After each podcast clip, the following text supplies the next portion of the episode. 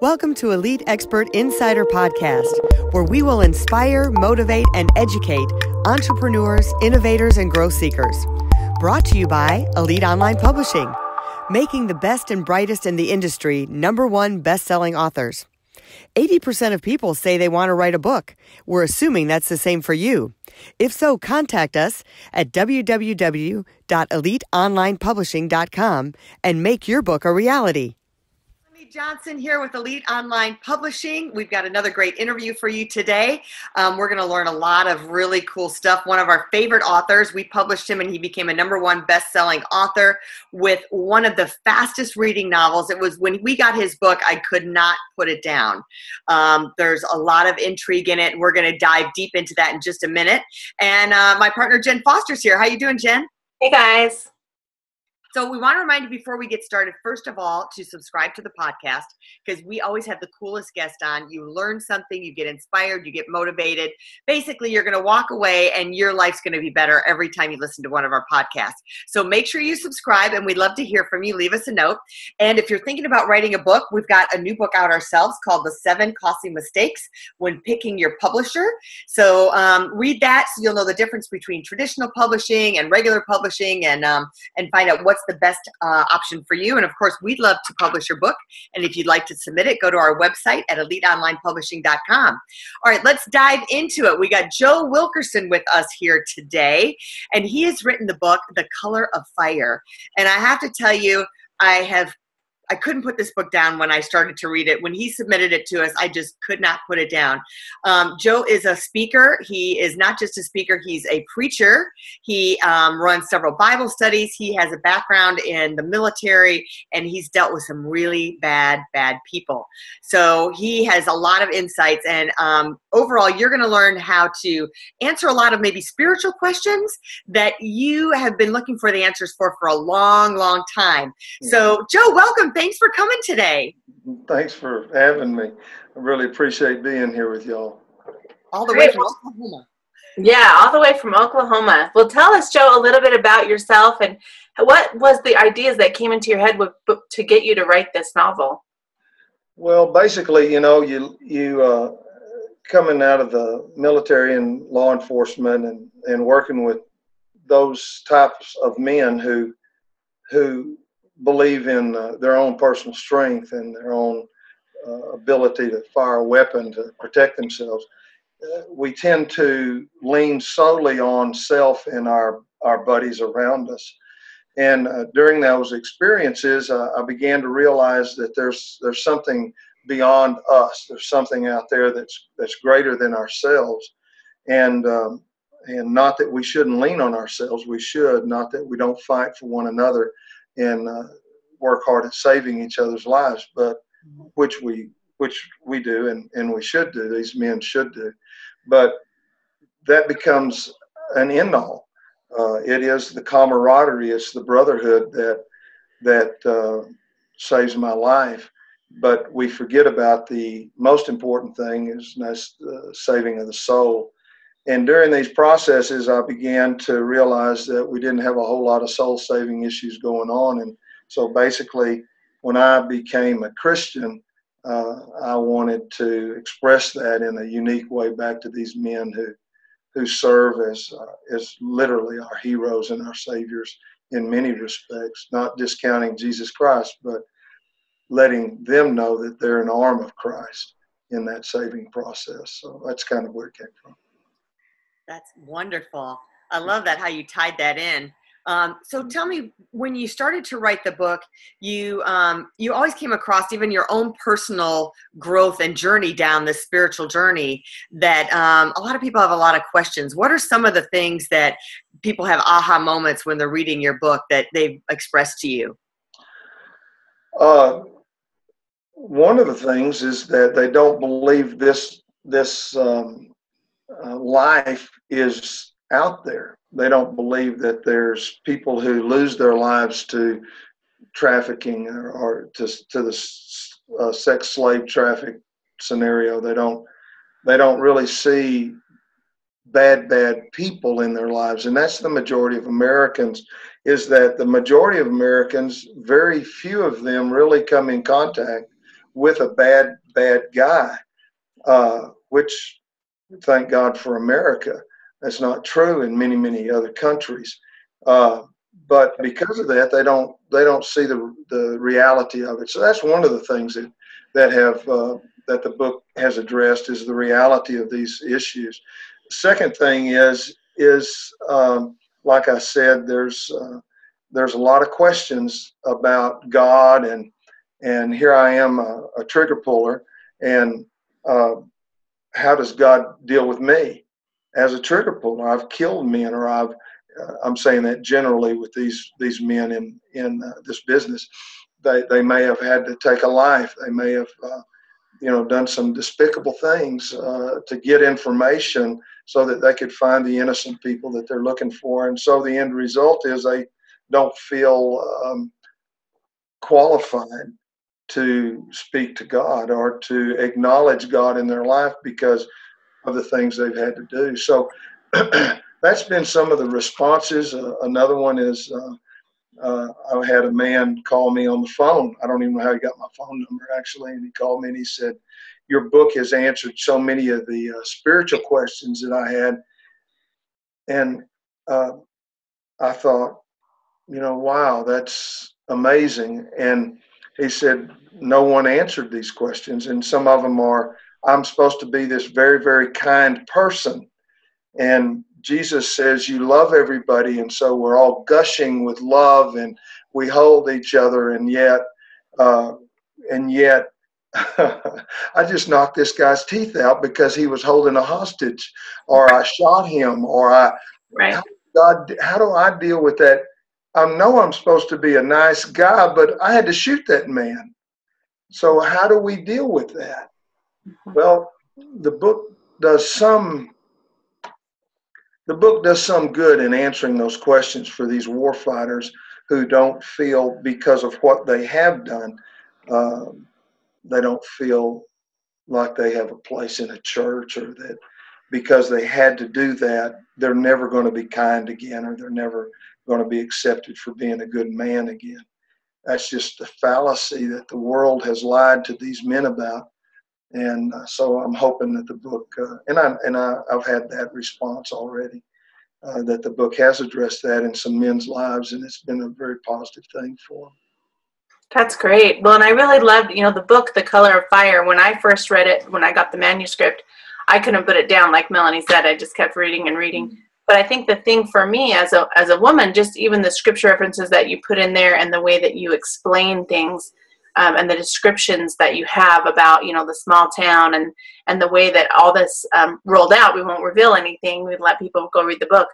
But how it all laid out you know it, it, it really hit home because i actually hear of stories that that this is happening but like you said you don't see it. You don't really meet those bad bad people but you hear about it. You hear like that it is going on mm-hmm. the trafficking that's right and uh, most and this is another thing that people don't realize. You know, it's a, it's a funny thing that I realized when I was in law enforcement is is that cops are usually the last guys to find out what what bad things are happening in your neighborhood.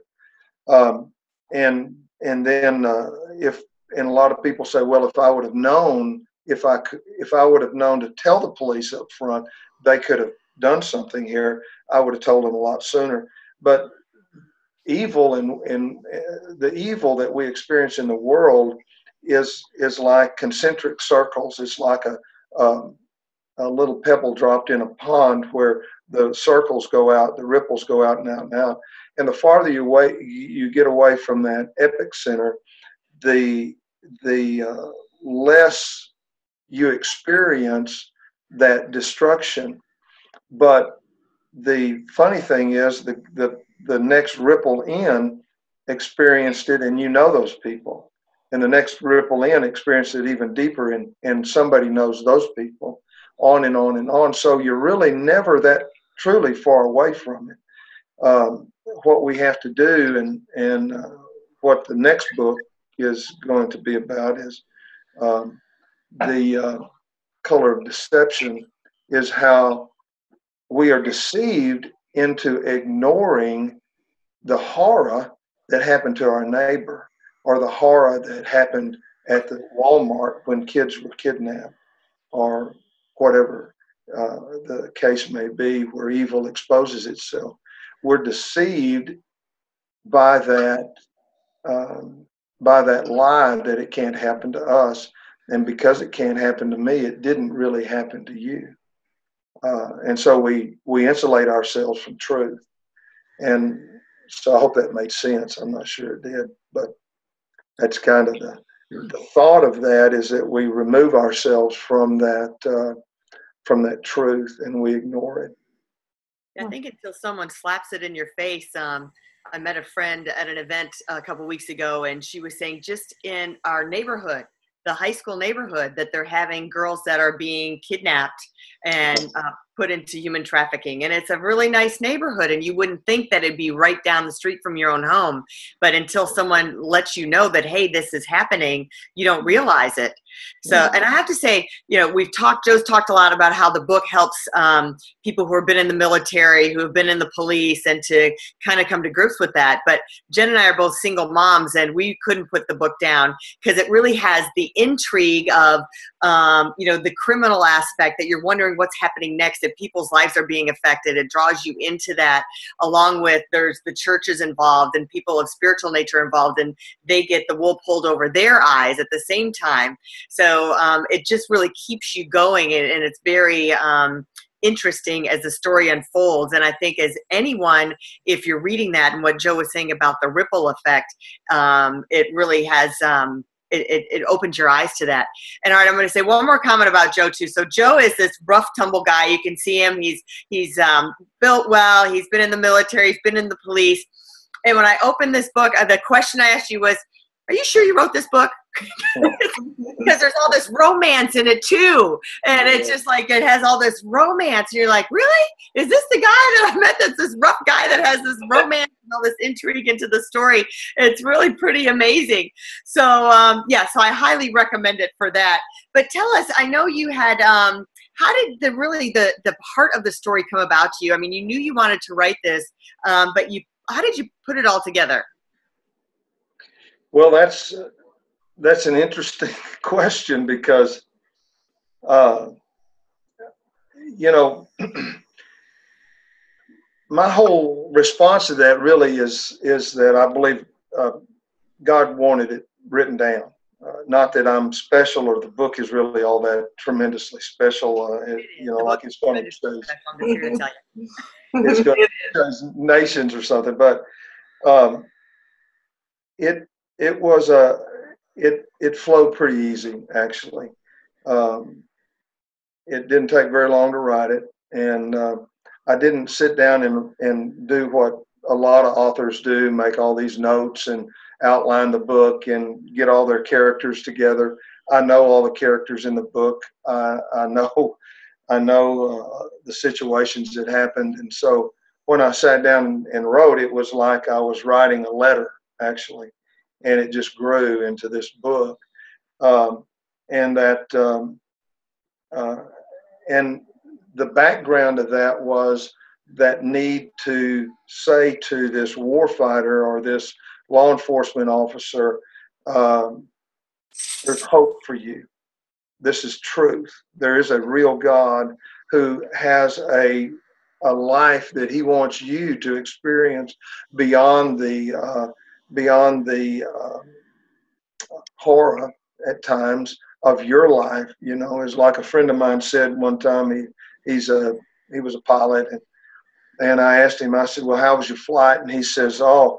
It was, uh, you know, 25 hours of absolute boredom and 13 seconds of sheer terror you know, and and that's the life of a law enforcement officer. Oftentimes, that's the life of a, a warfighter. So the end result is that uh, we, I wanted to address the 13 seconds of life that we cannot understand, that we cannot, we look back at and say, what happened? Um, was there anything that I could do to change that? And the truth of the matter is, is the bad guy makes the decision. I don't. The bad guy kept coming and in order for him to stop, I had to do these things. and to accept the fact that you were the hand of God at that moment to save lives or to save, uh, to redirect that bad man's uh, uh, approach to, to doing bad things. So that's, um, so as far as the writing of the book goes, I think it just really flowed out of me, uh, not only from a position of, of, uh, you know, it was better than sitting down with a counselor and saying, you know, I think I have a problem here. But uh, uh, it really helped me put things in perspective in my life. So I'm, I'm hoping it does the same for some, some of the women that read it. Yeah, for me, for sure it was. So I thought it was excellent. And I've actually lent it to a couple of friends and they loved it as well. So it's a great, good, good thriller. I love it. Loved it.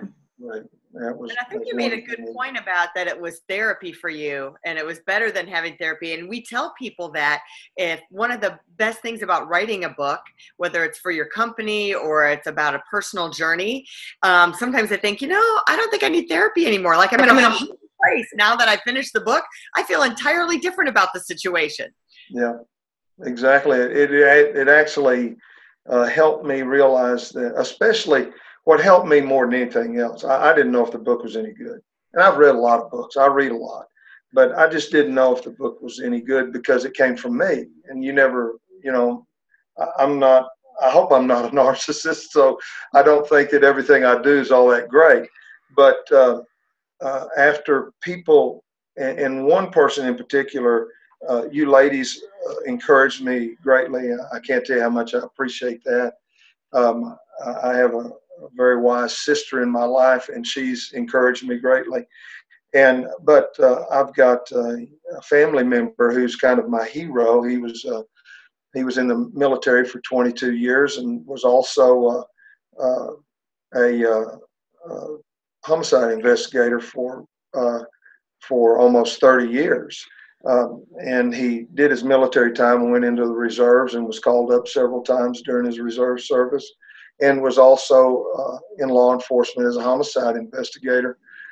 Uh, one of my real heroes, and he is a he's a magnificent guy, very uh, very wise man. He's a doctorate in in law enforcement in in, uh, in law. Uh, I'm not real sure what is what he teaches, what he teaches young police officers at the University of uh, of Eastern New Mexico University, and he's their He's their he's their doctorate of law enforcement on the campus, and I, I can't say enough great things about him. But um, uh, his response to the book really was a uh, powerful response to me, and so that that was the the uh, driving force to get me to the to say, well, that was a good book. Let me do another book from a different perspective that deals with a different uh, struggle that we have as uh, that men have in in this scenario.